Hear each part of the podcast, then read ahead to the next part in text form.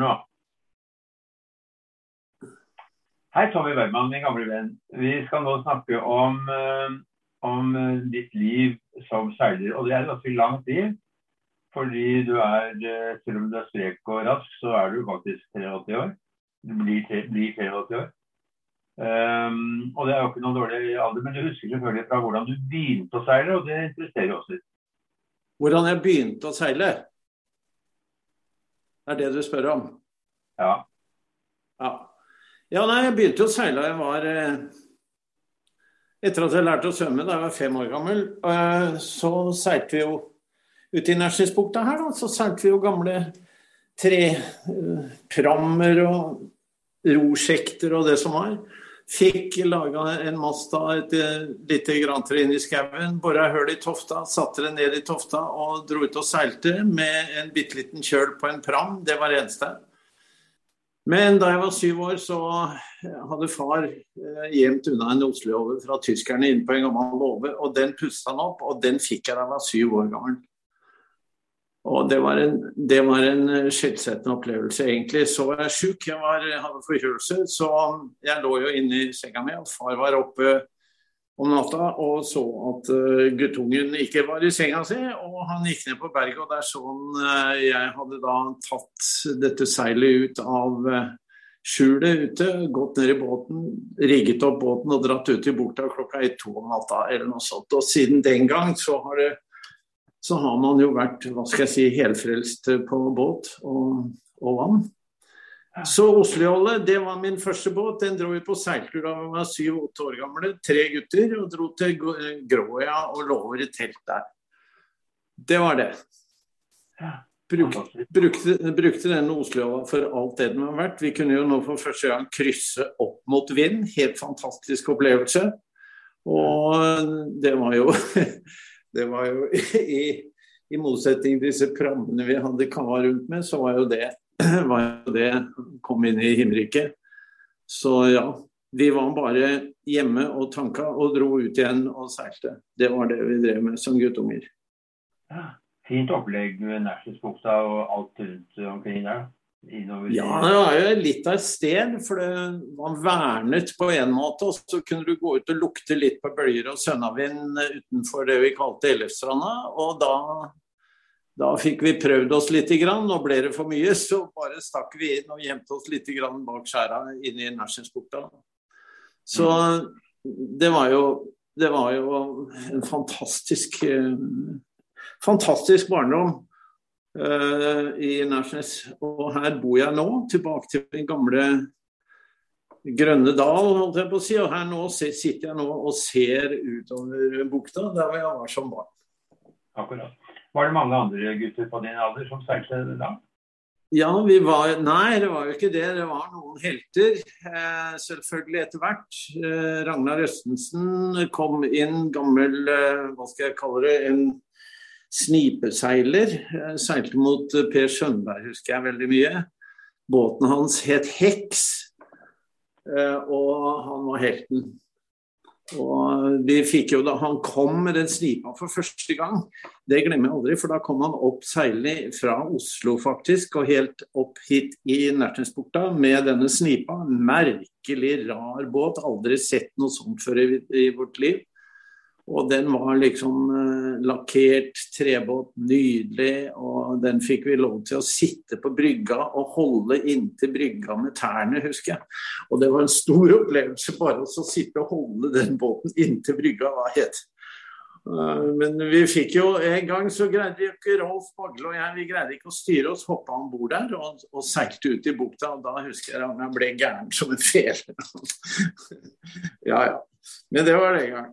Det var sånne barneopplevelser, ungdomsopplevelser som, som man husker, da. Men Du har jo flere sånne ungdomsopplevelser. Vi kommer tilbake til det. Men, men vi begynte å se på resultatlistene i en killing som het Twill. Hvor gammel var du da? Ja, det, ja, Killing, ja. Det var datidens båter, vet du, Mikkel. Det var jo, det var jo ikke noen andre alternativer enn Killing.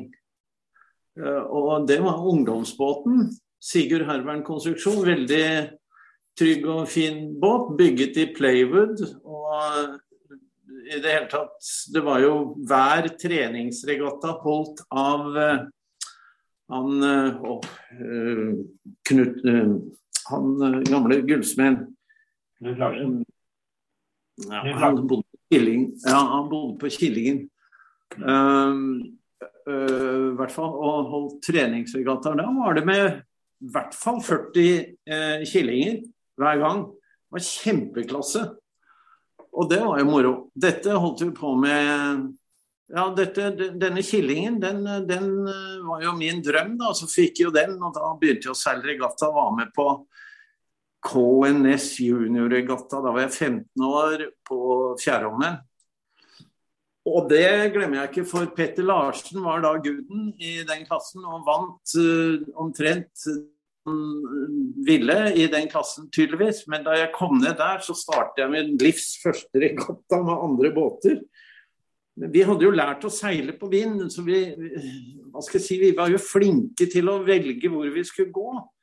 Og så viste det seg til slutt at det endte opp med Petter og jeg som lå én og to. Han lå nummer én, og jeg lå nummer to. Og han slo på topp av meg hele tiden inn mot mål, hvilket jeg syntes var blodig urettferdig. Jeg hadde jo ikke peiling på regler. Det første jeg gjorde da vi kom land, det var gå bort til Petter og gi den midt i trynet. Så han sier at du ødela regattaen min. Ja, et eller annet sånt. Eh, så det var mye rødt hår og fregner eh, og korte lunter eh, den gang. Det var jo det. var en morsom tid, altså. Ja. Men, så, men så, Du var jo heldig, da, fordi du fikk jo utstyret ganske tidlig, og ganske tidsutstyr også. Så etter Kildingen så kom det en kutter. Det var jo stort. Ja, det var jo Borge Bringsvær som, var, eh, som, som bygde eh, som bygde altså Borge Bringsvær han, han syntes at det var blodig urettferdig at Sigurd Herbern fikk all reklamen for denne killingen. Så han sa jo Og far og Borge Bringsvær de var gode venner. Og, og jeg husker veldig godt Borge Bringsvær sa at nei, nå vil jeg ikke bygge denne killingen mer for andre overta, nå skal jeg lage min egen båt. Det husker jeg veldig godt. Og da ble BB11 skapt. Satte seg på tegnebord, tegnet BB11 og begynte å tegne og bygge med BB11. Og det ble jo da en kjempesuksess. Uh, men, men uh, det var jo Jeg syns at Kutter var liksom kremen. Det var så fin båt. Og, og far skjønte jo jeg var helt seilgal. Så så vi faktisk dro ned i fars gamle Opel ned til Ånan Kittelsen i Risør.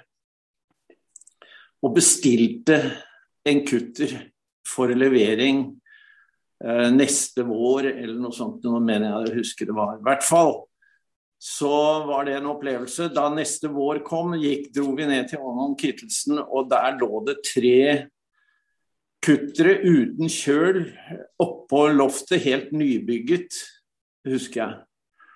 Og så sier han Ånon Kittelsen, som var en veldig, veldig hyggelig kar, så sier han nå, unge Bergman, hvilken av disse tre båtene vil du ha? Da, da, jeg var jo helt, helt i drømmeland. Så sa jeg bare at ja, nei, hvem ville du ha valgt? Og så tok han den en av dem, da. Ja, da tar jeg også den.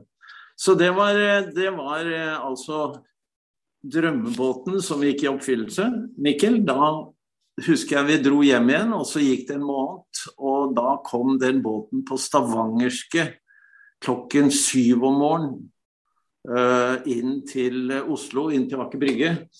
Og da satt jeg Jeg husker jeg hadde laget matpakke, fått mor til å også laget uh, kopp kakao eller noe sånt. Og satt da på brygga og ventet fra klokka seks om morgenen med kikkert for å se når den der stavangerske, grønne stavangerske fraktbåten kom med, med kutteren. Og så hadde jeg på forhånd bestilt av Frode Johansen på, på Dronningen at han skulle komme ut med, med denne prammen sin og, og, hente meg, da, for det var ikke masse på båten. Og det gjorde han. Og der kom båten, og jeg var helt i himmelriket. Og båten ble satt på vannet, og jeg ble slept til Dronningen. og og hadde da min første kutter, eller min kutter, da. ØN 58. Og den har du eid, Mikkel?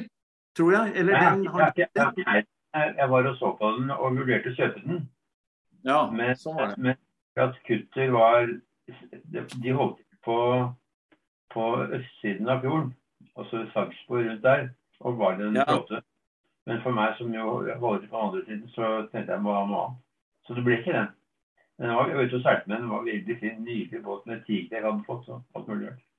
Ja. Men Tommy, dette var ikke noe lite løft for din far å kjøpe sånn båt til deg? Det var, eh, han, Nei, Søren han han var jo Han hadde jo Vi levde jo et helt helt normalt liv. Altså, far jobbet jo i fiskeforretning. Vi hadde ikke all verdens god råd. Uh, og vi hadde jo en fiskeforretning i Møllergaten, og det var det som surra gikk. Og vi var jo avhengig av kunder og jeg på å si Vi hadde absolutt ikke noe gård oss. Og han hadde jo drømt om å kjøpe en ny bil, far, men det måtte han jo kutte ut all den tid han skulle kjøpe båt. Han er båtgale sønnen sin. Så, så det, ble jo, det ble jo det. I tillegg så ringer da Ånon Kittelsen og så spør om eh, vi vil ha en mast av sprus, altså en kvistfri eh, amerikansk furu. Og da sier far ja, hvor mye skal det koste i tillegg? Ja, nei, det skal koste hva han sa, 500 kroner i Nei, 50 kroner i tillegg. Ja, et eller annet. En sum som for i dag er helt latterlig. Men, men den gang var mye penger. Og da sier far ja, og da får jeg altså i tillegg da får jeg denne sprusmassen. Det vil si far han ofret mye for at guttungen skulle få lov til å seile. Og det har jeg tenkt mye på i ettertid. at uh, Fy søren for noen foreldre jeg har hatt. Helt fantastisk. Og Det var jo også sånn her i Nærsnes. Altså, vi hadde jo Guttungene den gang hadde jo Vi var jo ikke, hadde jo ikke noen telefoner og hadde jo ikke kontakt med mor og far eh, hele tiden. Vi var jo alene veldig mye. altså Kontaktflaten var jo bare når vi kom hjem. Svømmevester og sånt eksisterte jo ikke. Eller det som eksisterte av svømmevester, var noen korkgreier som var helt umulig å ha på seg. Og så var det noen sånne vattgreier som etter at de hadde ligget to minutter i vannet, så sank de. Så svømmevester, det eksisterte ikke i vår verden. Og vi, vi, men vi svømte jo som fisker, og det var, jo, det var jo det som skulle til for at mor og far slappet av da. Så. Hva sa du? Da var dere på langtur. Med, med kutteren, ja. altså Både med Oslo-Jolle, vi tre gutta, og, og Oslo-Jolle med en kamerat. Nei, med kutteren med en kamerat, så dro vi på langtur nedover norskekysten, ja. Var med på NM i Kragerø og var med på alle disse regattaene som var her inne i Oslo. Og, og gjorde det ganske bra, faktisk, med kutteren. Uh, og uh, ja, etter det, hva er det som skjedde etter ja, Så ble det studier og alt mulig rart etter det. Og så ramler jeg oppi Og så begynner ynglingtiden å, ta form, da. Og det var jo en lang periode, den ynglingtiden. Det var en spesiell tid, og eh, det har jo vært å minnes i år fordi det er Linge-jubileum, han ville vært 100 år. Uh, og et av hans store skaperverk var nettopp Ynglingen. Uh, Ja. uh, og var jo veldig god. Uh, du vant ikke VM, men du var ikke så veldig langt unna. Jeg var halvmeter unna. Det var helt jævlig. Det var helt verst. Men eh, det gikk jo bra, det. det altså, vi var jo Vi vant jo flere NM med den ynglingen, og vant jo massevis av sånne mindre regattaer her inne i fjorden. Nei, den ynglingen var en fantastisk båt. Siden hadde jo alt herregud, vi eksperimenterte og lærte så mye vi, av å seile yngling. Jeg hadde jo til slutt så hadde jeg tre eller fire master liggende på berget uh, her i Nærsnes som jeg eksperimenterte med. Uh, for den gang var det lov til å eksperimentere. Det ble jo fast uh, Altså, det ble jo ikke lov etter hvert. Etter hvert så var det jo standardisert utstyr i langt større grad enn det det er, er i dag. Eller, eller det det ble. Vi fikk lov til å å hva skal vi si, forske litt på det. Og, og jeg husker jeg fikk sånne Kandahar uh, strekkfisker, altså som du kunne løse opp med en sånn Kandahar, nærmest en sånn Kandahar-grep. Uh, og det var noe helt nytt, for da kunne vi slippe masta fremover når vi seilte lens. Og det husker jeg fikk brev anonymt Nei, jeg fikk anonym telefonoppringning, trussel. At hvis du fortsetter med det der, så skal vi diske deg. Ja, det var veldig engasjert. Eh, engasjerte deltakere, og vi, vi var veldig Vi levde i den ynglingverden veldig intenst i flere år. Mm. Og, og, lærte selvfølgelig masse. Eh, og jeg hadde glede av å seile med veldig mange veldig flinke folk. Eh, og vi, vi gjorde det bra med den ynglingen. Vi var flinke til å seile når vi seilte den. Det var noe. Husker jeg riktig når jeg tror at du dro på bryllupsreise til uh, et VM i Sveits? Nei, du husker helt riktig. Og det var i Brafershafen. Nei, Sveits, ja. Det var, vi seilte på Lackleman, altså Genfersjø.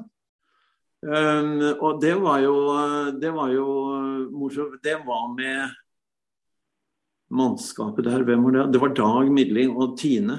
Uh, altså søsteren til Bjørn og Roar Lofterød. Uh, og vi dro Det stemmer, det. Som da var din kone? Hva sier du? Da var din kone, Tine var din kone. Så det ja. var hun som var bryllupsretten. Ja, hun var jo fenomenal mm, til å seile. Tine var jo kjempeflink til å seile. Hun vant jo, uh, tror jeg, VM i fly junior sammen med Trine Lundas og søsteren til Peder. Og, og, vi seilte mye sammen, Tine og jeg, uh, inntil hun fikk barn. Da ble det mindre av det. Eh, så ja. Men vi, jeg husker vi kolliderte på vei tilbake fra, fra, fra Genéve. Eh, og det var, det var ikke ålreit, for Hilde fikk Nei, Tine fikk et kjempeblått øye, uh, husker jeg. Og det var det var ikke bra å komme hjem fra bryllupsreise, kona med blått øye, men OK. det, jo, det, gikk jo greit det var etter hvert. Men så ble det da, eh, så ble det da Hva ble det etterpå da? Da ble det noen NM, og så ble det ynglingsseiling, og så ble det til slutt eh, Jo, det var da jeg hadde den Dette med Finn, ja. Med Finn Ferner. Det var jo også en greie, husker jeg. Det er noe jeg husker det veldig godt. Det må du fortelle. Det, må, det har jeg hørt om, det må du fortelle. ja, det var jo jeg husker det var en regatta i forbindelse med uttak til Da hadde jeg akkurat fått ynglingen. Den første, da.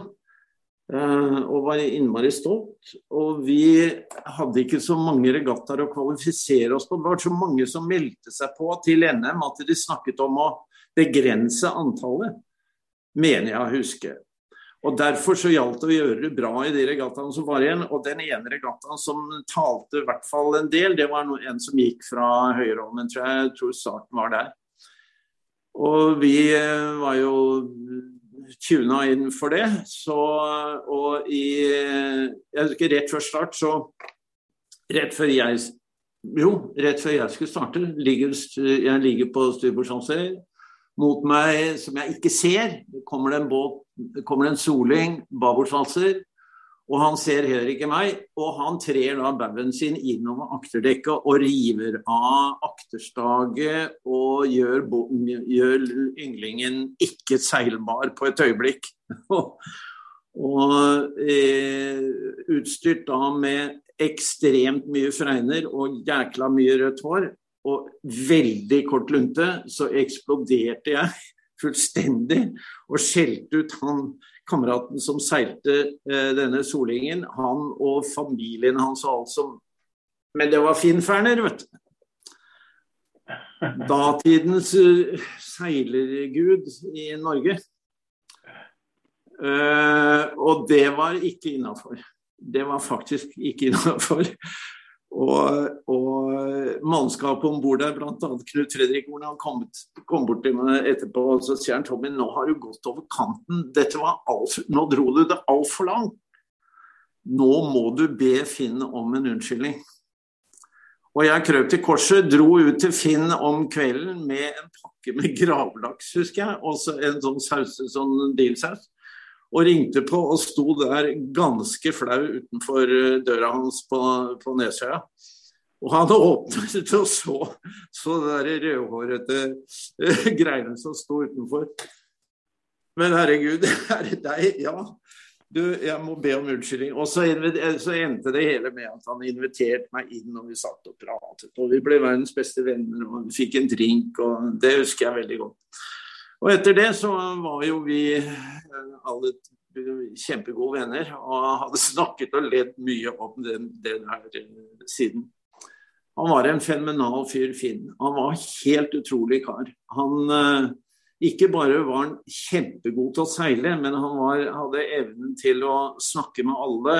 Snakke med alle de unge, nye som hadde lyst til å bli flinke til å seile, eller som trente, da, og ga gode råd. og Nei, han var en fenomenal, allsidig, fantastisk fyr.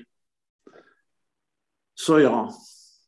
Men, mm. men den første båten din, eh, det første, ikke den første båten, men den første ynglingen din, den het Luringen. Og det var selvfølgelig fordi du var en luring og seilte på de lureste stedene. Men visste du det at Linges første 5,5 meter, arbeidstittel til den båten, det var Lureling? Nei. Det ante jeg ikke. Nei, det visste jeg ikke.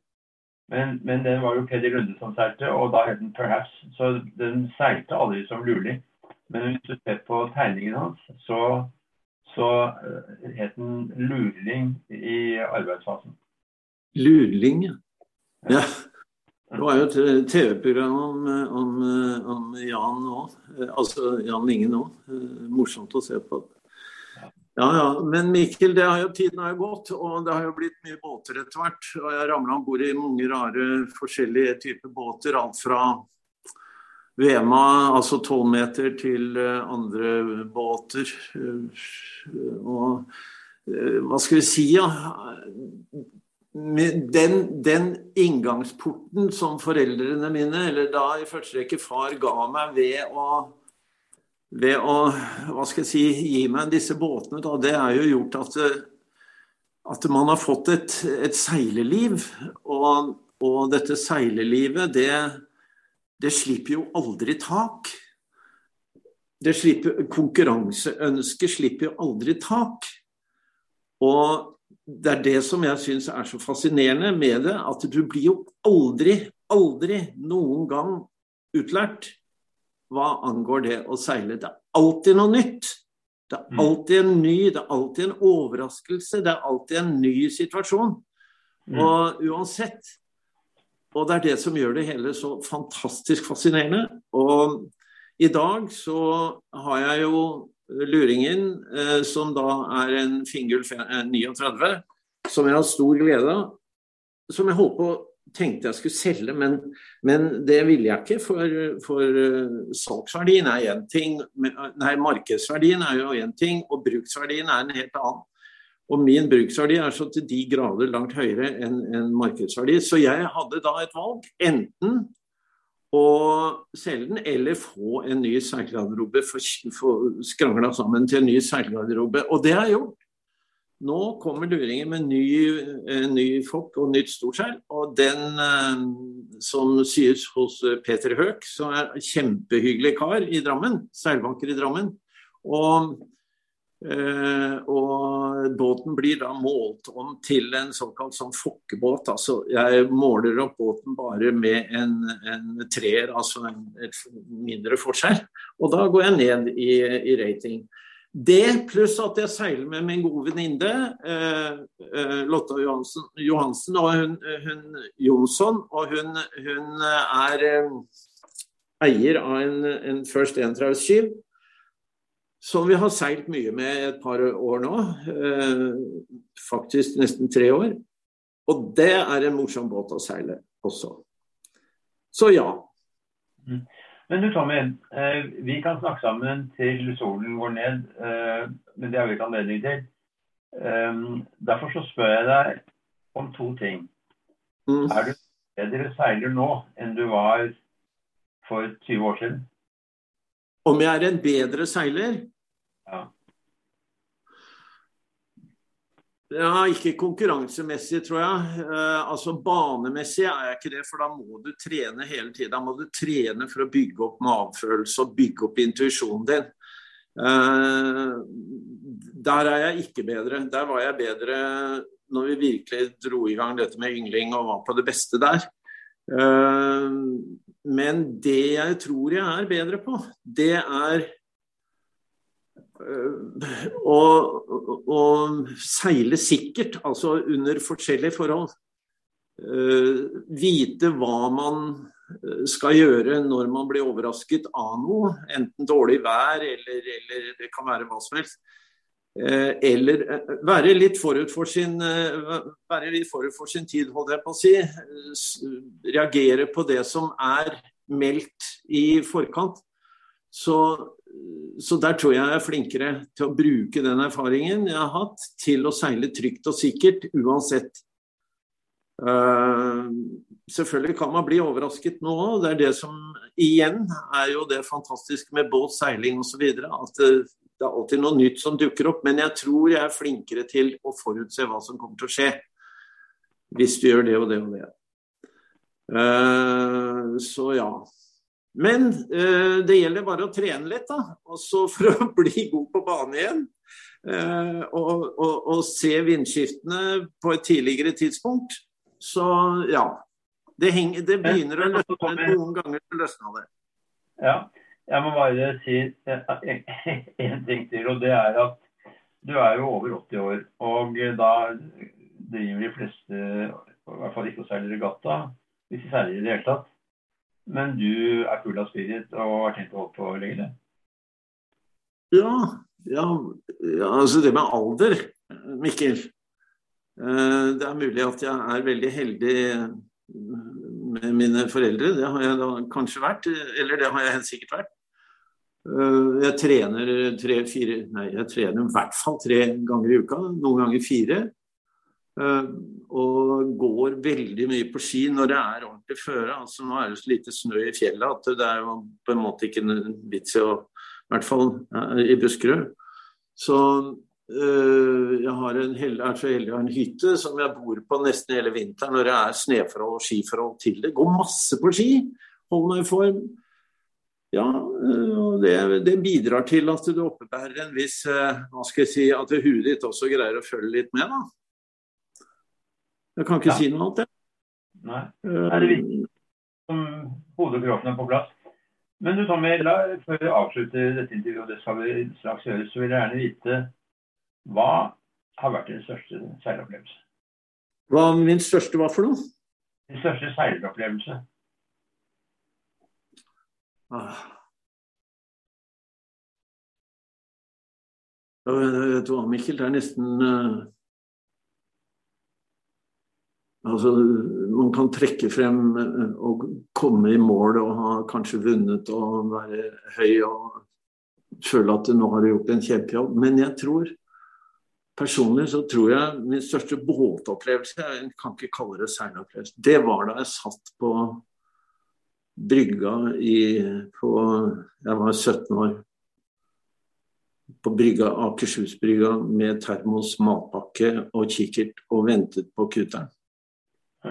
Det er det som sitter fast som liksom en eh, Altså når du ønsker deg noe så inderlig over tid, og jeg har vært så heldig å få lov til å ønske meg en ting over tid, over år nesten, og ønsket og ønsket og ønsket og vært fylt helt opp av det, og så blir, du, blir det oppfylt. Altså den følelsen av når noe du ønsker intenst, når det blir oppfylt. Og akkurat når det blir oppfylt, det står helt som en sånn eufori hos meg. Og det er, det er eh, en sånn lykkefølelse at eh, jeg kan nesten ikke Jeg kan nesten ikke si noe Altså ligge i 18, over 18 knopp nedoverbakke mot uh, Skagen i, i, i, et helvetens vær med, med en hardværsspinnaker oppe på luringen. Ja, med, med åtte mann om bord som, som, er helt i himmelen og dundrer av gårde nedover. En helt fantastisk opplevelse, selvfølgelig. Men, men dette med å være så begunstiget at man kan ønske seg og ønske seg ting, ikke bare få det, men ønske seg det over lang tid, og så få det. Den lykkefølelsen, den unner jeg alle, alle unge mennesker å få. altså. Mm. Tommy, kloke og viktige ord. Vi avslutter denne hyggelige samtalen med det. Og så ønsker jeg at du får mange fine år på sjøen. Ja. ja, vi, nå skal båten uten 18, nei, den første lørdagen etter påske.